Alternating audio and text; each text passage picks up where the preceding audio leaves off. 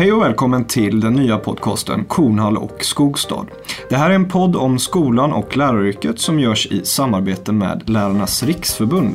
Och mitt namn är Isak Skogstad och för er som inte känner till mig så är jag lärare som tillsammans med Per kommer att bjuda in olika intressanta gäster för att diskutera frågor om ja, skolan och läraryrket. Men vem är du Per?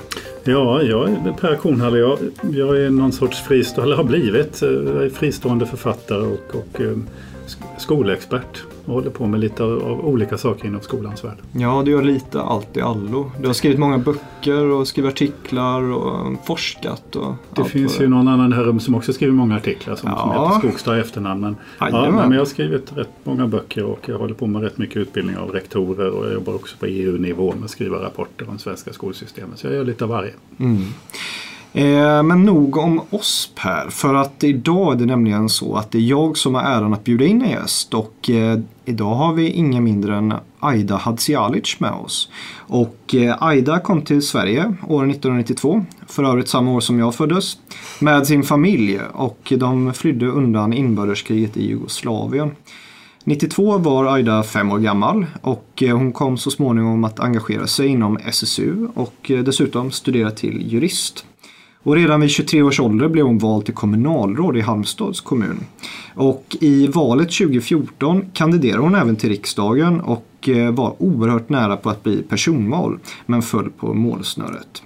Men eh, Istället blev hon utsedd till statsråd i regeringen Löfven och kom att ansvara för gymnasie och kunskapslyftsfrågor.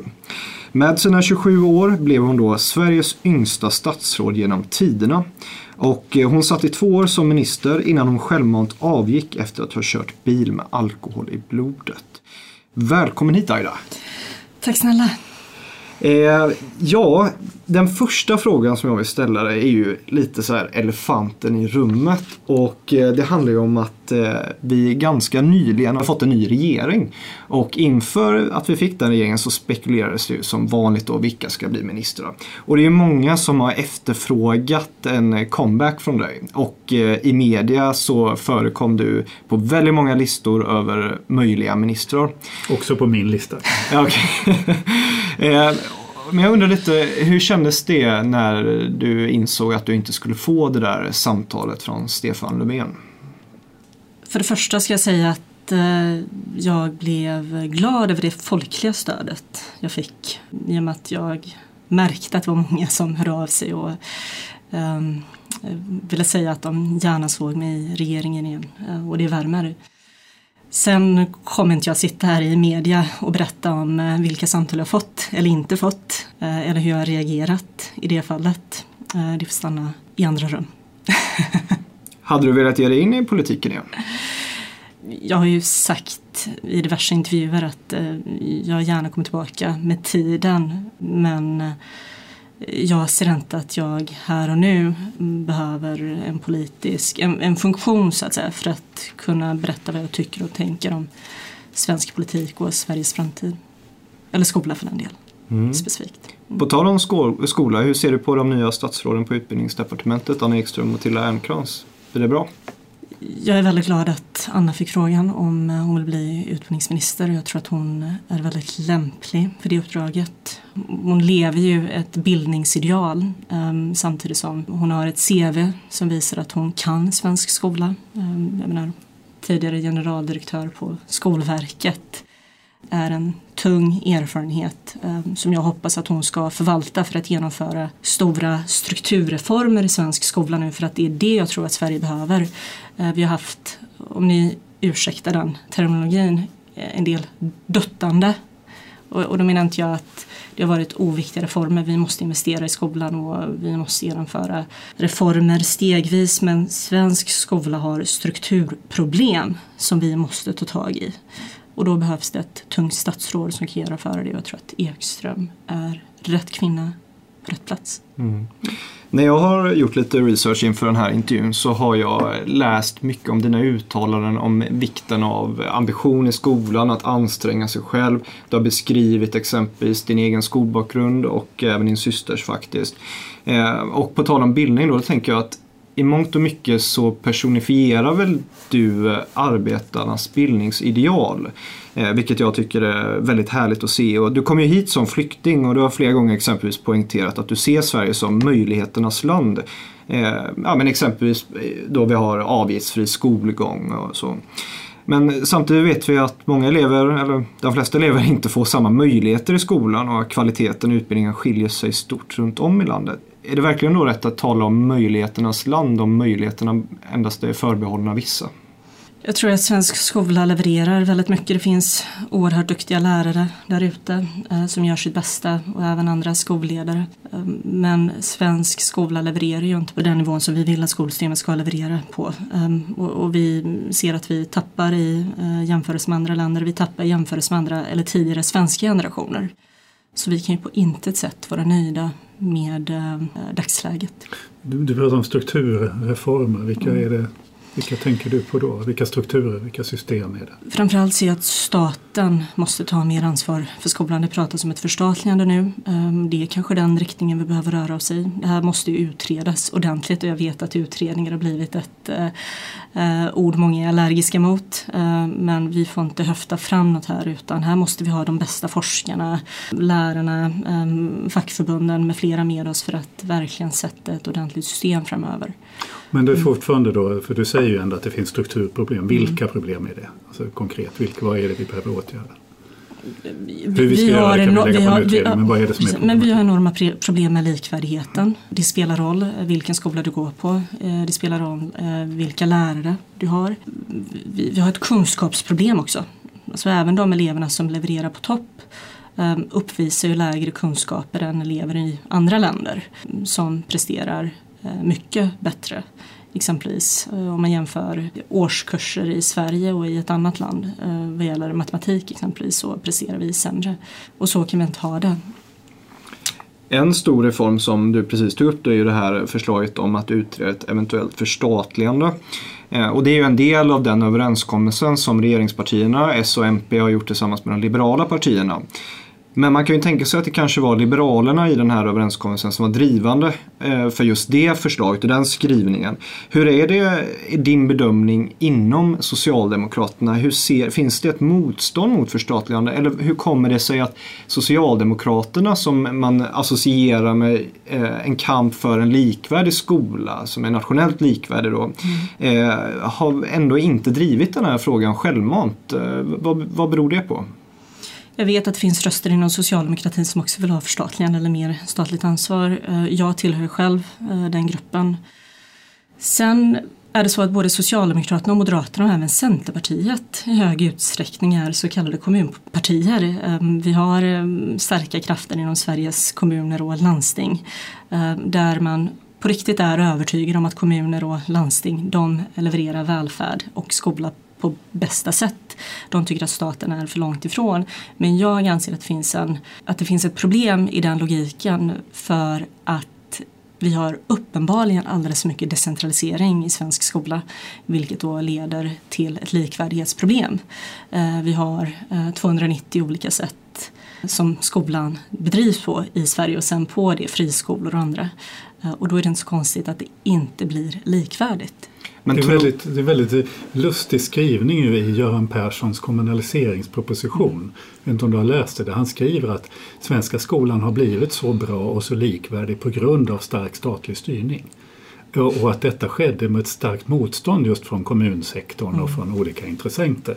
Och samtidigt gör han då analysen att man ska då bryta ner den här. Men, men är det någonting som ligger kvar hos Socialdemokraterna att man inte riktigt kan erkänna att det var ett stort misstag inom liksom partiet att göra den här reformen? För övrigt i samhället när man pratar med folk både från höger och vänster så kan de ju vara eniga om att en sak i alla fall var fel och det var att kommunalisera mm. skolan. Mm. Men, men... Jo men så är det nog. Um, som ni vet Göran Persson är ju en stark kraft både inom socialdemokratin och Sverige och, och det har väl tagit emot att gå emot vad statsminister Persson sa och gjorde under många år. Och det är väl först nu när det kommer nya generationer som man börjar tänka på ett annat vis. Uh, och sen finns det ju alldeles mycket forskning, alldeles många studier och internationella jämförelser som visar på att vi har tappat uh, styrförmågan över svensk skola och det är därför vi inte har likvärdighet och det är därför vi inte levererar på en tillräckligt hög nivå. Men tror du att Socialdemokraterna kommer att kunna driva ett eventuellt förstatligande om det visar sig att utredningen ser stora fördelar med det? Jag tänker inte minst på det faktum att eh, SKL, då, alltså Sveriges kommuner och landsting, deras ordförande Lena Micko är ju socialdemokrat och hon sitter dessutom i det så kallade mäktiga verkställande utskottet. Och hon gick ut i en artikel eh, för inte så många dagar sedan och helt enkelt avfärdade det som ett dåligt förslag, alltså ett eventuellt förstatligande.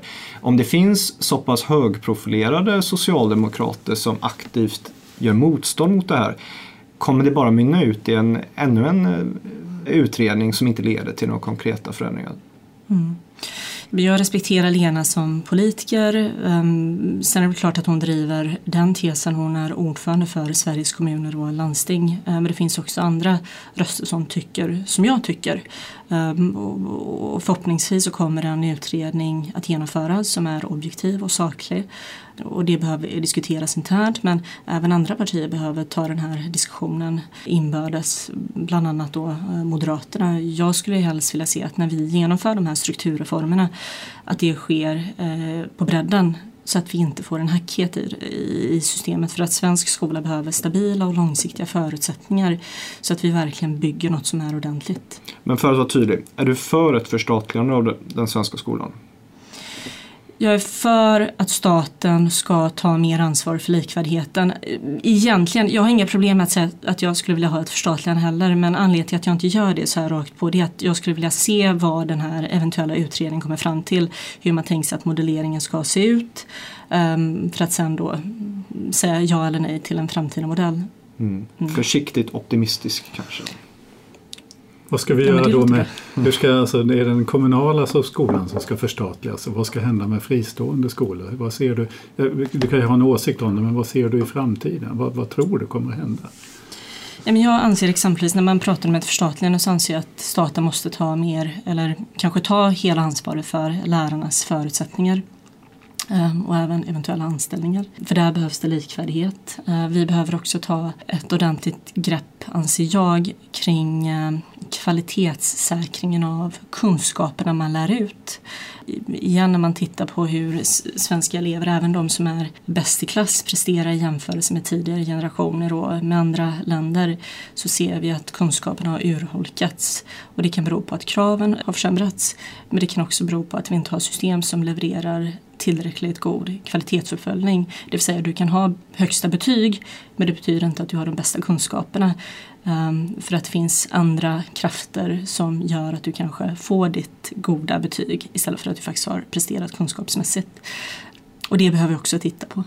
En del av de krafterna du beskriver brukar ju oftast, man pratar om betygsinflation och att det kan drivas på av att skolan har marknadiserats som man pratar om ibland. Och, eh, jag var ju med på Lärarnas riksförbunds kongress, senaste kongress och där var du, då var du gymnasieminister och då var du där och talade och då tog du upp just och kritiserade skolans marknadisering. Men vad är det du åsyftar när du pratar om marknadiseringen och eh, hur ser du att det har påverkat svensk skola? Jag anser att både höger och vänstern eh, tog fram det sämsta i sig samtidigt för 20-25 år sedan, eller 30 blir det snart, när man både genomförde den väldigt liberala friskolereformen eh, som jag då kallar för eh, marknadiseringen samtidigt som vi kommunaliserade skolan. Det gjorde ju att staten förlorade kontrollen över svensk skolutveckling. Och vi har sett Eh, konsekvenserna av det eh, under de här decennierna som har följt. Och med marknadiseringen menar jag att vi har fått andra drivkrafter än kunskapsutlärning i svensk skola där vinster, ehm, lätta betyg utan prestation har blivit medlet för att konkurrera med elever istället för att det är kunskaper och vår internationella konkurrenskraft som har satts i främsta rum. Och det tycker jag är ett enormt problem. Nationalekonomen Magnus Henriksson brukar tala om att borgerligheten missförstår marknadsekonomi då vi har vinstdrivande skolor som själva kontrollerar sin egen kvalitet på så sätt att de sätter sina egna betyg. Detta inser många inom borgerligheten att det är fel då, men ledande politiker verkar inte låtsas vid det. Tror du att det på sikt kommer vara möjligt att eh, Socialdemokraterna tillsammans med borgerligheten reformerar friskolesystemet för att eh, helt enkelt lösa de problem som onekligen finns med dagens system? Jag hoppas det, precis som jag sa här för en stund sedan. Jag vill gärna se att Socialdemokraterna tillsammans med Moderaterna men även andra partier eh, gör upp över blockgränserna för att skapa långsiktiga stabila förutsättningar för svensk skola och då måste både borgerligheten men även socialdemokratin eller vänstern våga ta itu med sådant som man förnekat så att säga under en längre tid. Eh, borgerligheten behöver erkänna att ja, det finns problem med marknadskrafterna så som skolsystemet är utformat just nu. På samma sätt som vänstern behöver erkänna att kommunaliseringen var inte en jättesuccé. Vi måste se till så att vi får en nationell styrning för att skapa riktig likvärdighet. Visst är det konstigt att det här är en höger-vänster-fråga ändå? Jag tänker nu på, om vi nu pratar med professionerna i de här, vi pratar med rektorerna och lärarna, så är de ju väldigt enade om sin kritik både mot egentligen skolval och vinsters kraft och så vidare. Både från Skolledarförbundet och mm. från båda lärarfackförbunden. Och alla de är ju inte kommunister. Är inte det konstigt? Och jämför jag med andra länder så är ju inte den här typen av marknadskrafter som vi har i skolan det är inte en höger-vänster-fråga utan det ses som ett ganska extremt system. Det vill säga att även borgerliga partier utomlands tycker att man inte ska gå den vägen som vi har normaliserat. Alltså, jag, jag, förstår du? Mm. Ja men absolut. När jag var statsråd så hade jag möte med den norska utbildningsministern som tillhörde deras motsvarighet till Moderaterna.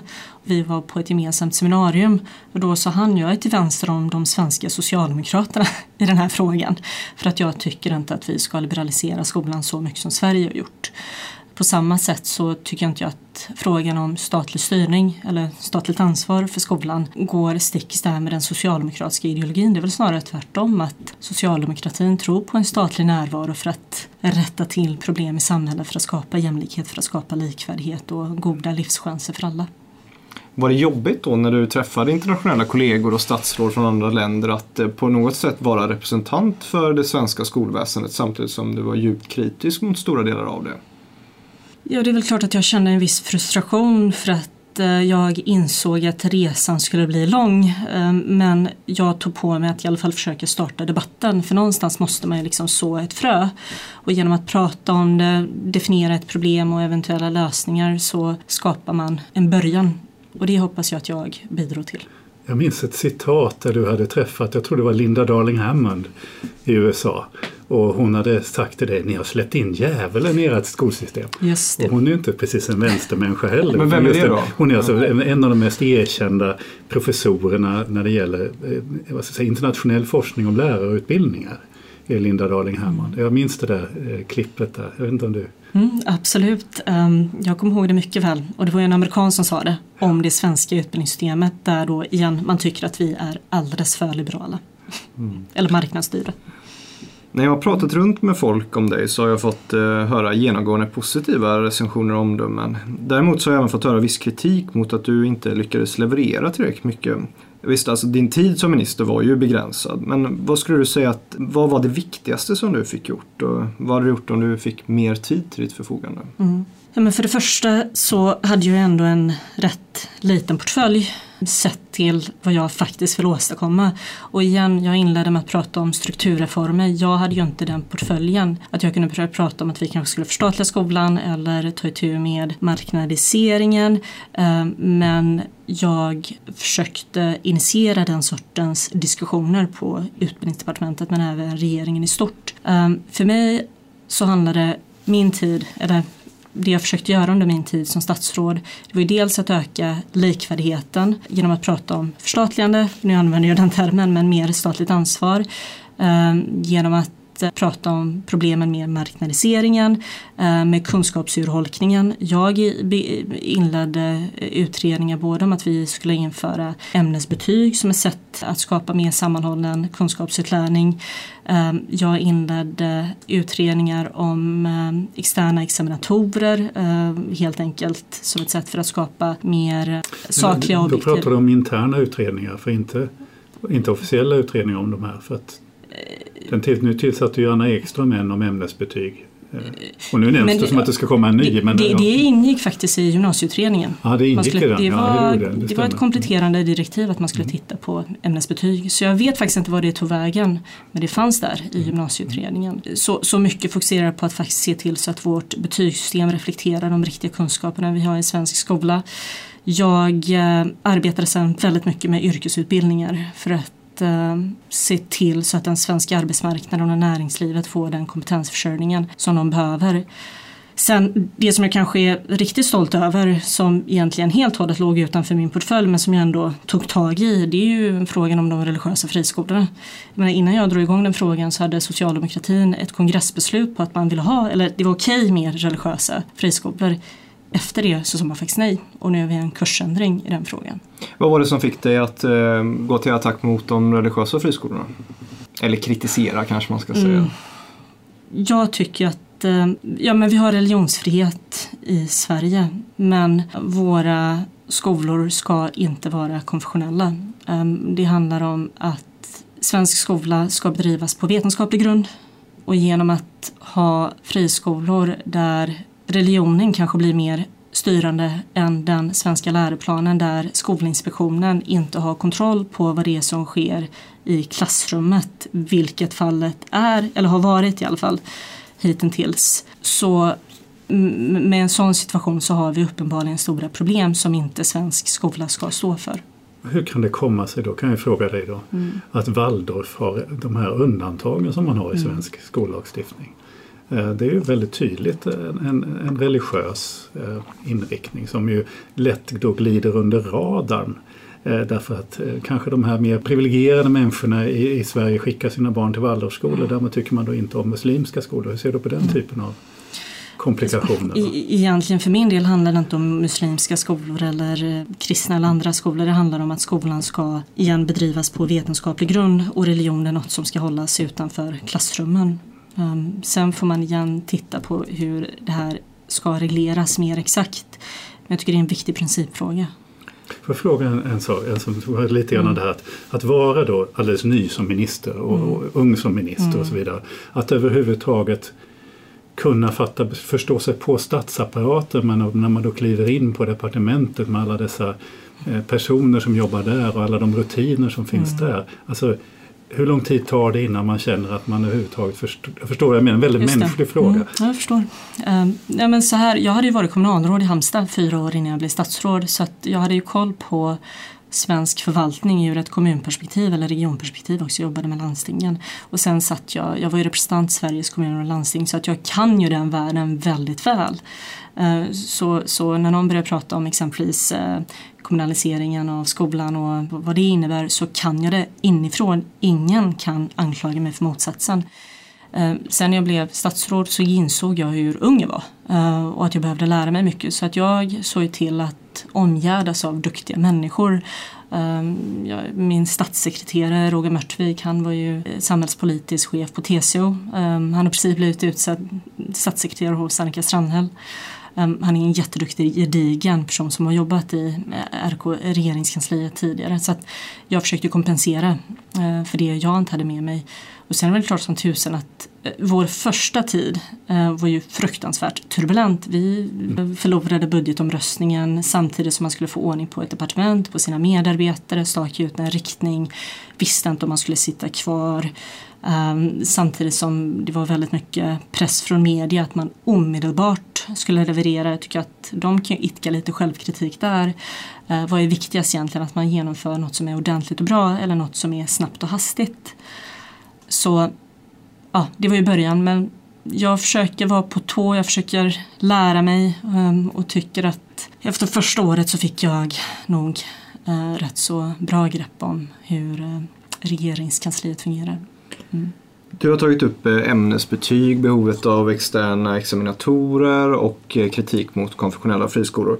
Eh, som av en händelse så är ju alla de här tre delarna något som ingår i januariavtalet, den här överenskommelsen mellan regeringspartierna och de andra partierna. Känner du att det var ett bra, ett bra avtal, en bra överenskommelse? Är det rätt väg för svensk skola? Jag såg att DN hade gjort en sammanställning och tittat nedbrutet på de olika områdena, vilka partier som hade fått igenom sin politik. Och just på skolans område så hade alla partier fått igenom någonting men det var ju framförallt då Liberalerna som hade fått igenom. Och de har ju drivit egentligen allting det du tar upp här nu. Känner du att det, var, att det är bra för Socialdemokraterna att eh, driva den politiken? Jag tycker på riktigt att den här överenskommelsen är bra. Jag har länge velat se ett mittensamarbete eh, och jag tror att det är väldigt många där ute som tror på en god kombination mellan socialdemokrati och det liberala. Ehm, och ja, jag tycker att de här förslagen är bra som du nämner Isak. Saknar du någonting då? Var det någonting som du hade velat se i överenskommelsen på skolområdet? Inte sådär direkt. Som sagt, jag tycker faktiskt att det här paketet som man levererar är bra. Och nu hoppas jag att man liksom vågar göra det ordentligt. Jag har haft en, en kommentar. Mm. Det är det att när man tittar på svensk skola och du, du nämnde ju likvärdigheten men när till exempel Skolverket tittar på det så, så ser man tre stora problem. Det är lärarbristen, det är likvärdighet men också segregationen. Mm. Av dem är det egentligen bara likvärdigheten som nämns i det här avtalet. Mm. Det finns skrivningar om att man ska fortsätta Skolkommissionens arbete och det mm. statliga och så vidare. Mm. Eh, lärarbristen som ju är större än något annat land jag känner till i Europa. Mm. Eh, nämns egentligen inte det är sådär direkt. Men segregation är helt borta. Mm. Men jag tror i mångt och mycket att om vi tar tag i de här strukturproblemen igen ordentligt så kommer de resultera i att vi omhändertar de här andra problemen också. och vi får en ökad likvärdighet och bättre kunskapsutlärning så kommer vi också bryta segregationen. Om skolan i största allmänhet då styrs bättre där lärarna får bättre förutsättningar för att staten tar mer ansvar, eller där vi kanske till och med förstatligar skolan, så kommer vi få en godare lärarförsörjning för att lärarna kommer veta att de kommer ha en bättre löneutveckling, de kommer ha bättre villkor, en bättre arbetsmiljö, eh, mer auktoritet i klassrummet. Så att igen, om vi får en bättre styrning som är mer effektiv så kommer vi kunna lösa en del andra problem. Så vi, vi, måste prioritera. Ja. Den internationella forskning som finns visar ju att den drivkraften för segregation är ju skolvals, alltså möjligheten mm. att isolera sitt barn från andras barn i mm. princip. Mm. Eh, ska vi då komma åt segregationen så måste vi prata om, våga prata om skolvalet, mm. eller? Ja men det håller jag med dig om och det är väl en av delarna som kanske inte adresseras fullt ut i eh, januariöverenskommelsen här eller januariavtalet som Stefan Löfven benämner det hela. Mm. Um, och det är en väldigt komplex fråga så att någonstans så hoppas jag att man tar tag i den under paraplyt förstatligandet av skolan eller mer statligt ansvar. För att igen då borga för likvärdigheten och jämlikheten. En annan fråga som delvis även togs upp i januariavtalet var ju en skrivelse om att starka betoningen på fakta och ämneskunskaper i läroplanen. Och eh, ja, framförallt under 2018 så pågick ju en het debatt om just kunskapssynen i den svenska skolan. Och läroplanen fick utstå väldigt hård kritik, bland annat från mig och Per. Eh, och eh, vad vi menar tillsammans med många andra var ju att den i mångt och mycket var alltför socialkonstruktivistisk och att den saknar ett fokus på just ämneskunskaper.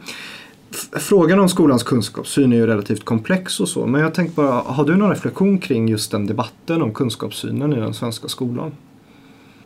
Jag tycker det är bra att debatten försiggår och jag anser i största allmänhet att vi behöver höja kunskapskraven i svensk skola och vi behöver förbättra kunskapsuppföljningen eh, från tidig ålder uppåt. Ehm, jag kan, ehm, om jag får vara lite personlig här, eh, nu var det ett tag sedan jag gick ut grundskolan och gymnasiet men jag, jag gick då, ehm, eller ja, jag gick skolan i Halmstad, gick ut högstadiet med högsta betyg och sen började jag gymnasiet och då läste jag IB-programmet. Och där, eh, IB, man brukar ju prata om att IB är världens bästa gymnasieutbildning, kraven är mycket högre. Och jag kan säga att jag då som en toppelev från min högstadieskola som dessutom var en bra skola ansågs det eh, gick in i eh, IB-programmet och kunde inte alls hänga med i deras kunskapskrav. Jag behövde kämpa jätte, jättemycket för att hinna ifatt det de kräver generellt sett över hela världen då för att IB-systemet är sådant. För att mina kunskaper var så pass mycket lägre. Och det här är bara liksom en personlig upplevelse som i mångt och mycket harmoniserar eh, med den problembilden som existerar i svensk skola. Men vilket är viktigast då egentligen, hur vi bedömer kunskaper eller hur vi undervisar? Processen som ju då leder fram till kunskap eller inte, alltså lärarens roll mm, tänker jag. Både och. skulle mm. jag vilja säga. En sista fråga hinner vi med. Aida, när gör du comeback i politiken? Gud. Det är också en sån här fråga jag inte svarar på. jag har inte det nästan. Okej, okay, ja, vi får, vi får helt enkelt se framöver. Tack så mycket Aida för att du var med i Kornhall och Skogstad. Mm, tack till er. Tack, tack.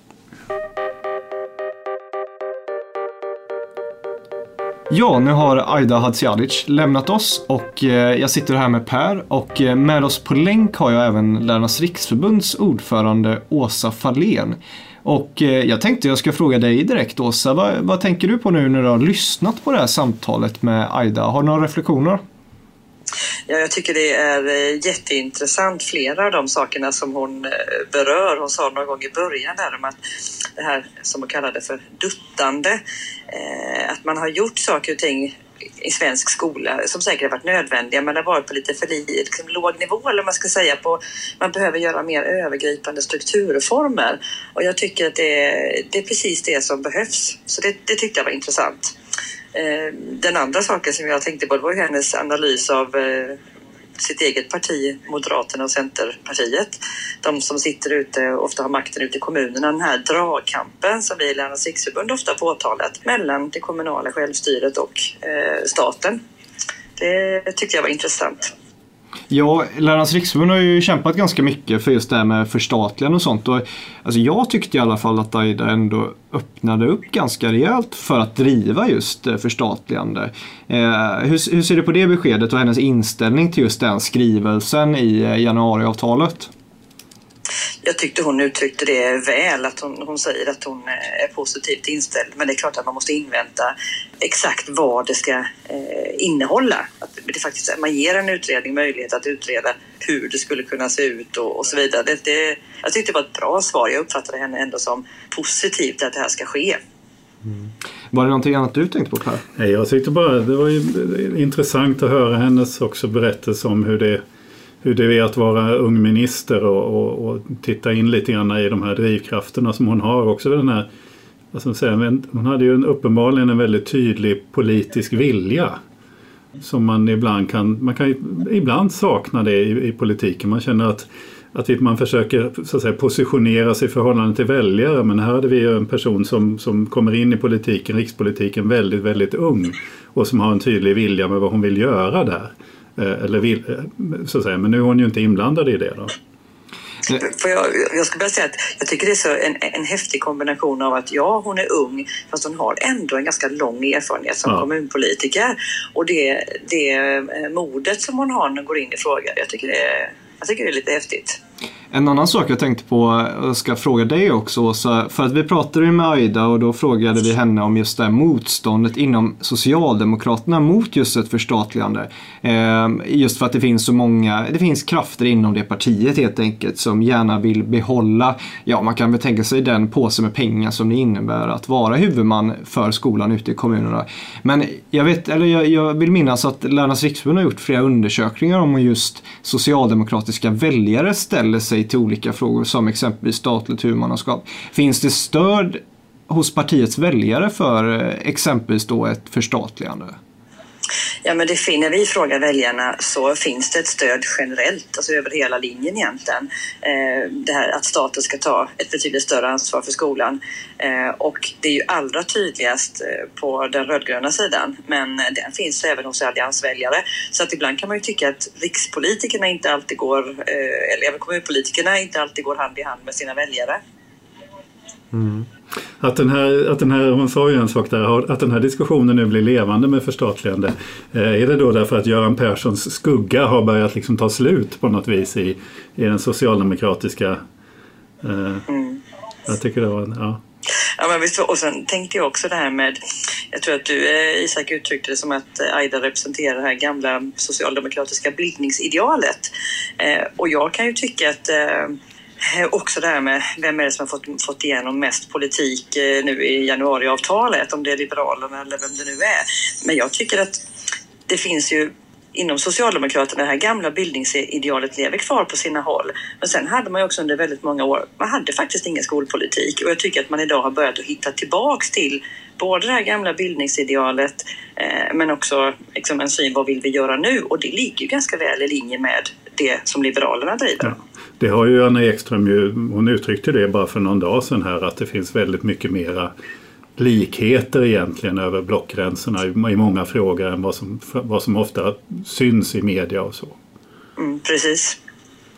Och jag tänker att nu när den här överenskommelsen finns på plats och eh, LR ser ut att kanske på sikt i alla fall få gehör för sitt drivande av just eh, frågan om statligt huvudmannaskap så tror jag ändå att det blir en viktig period eh, för alla som är verksamma inom skolan och skoldebatten att aktivt se till att den här regeringen faktiskt levererar utifrån överenskommelsen så att det inte bara stannar då vid tomma ord och eh, utredningar som inte leder till konkret håll.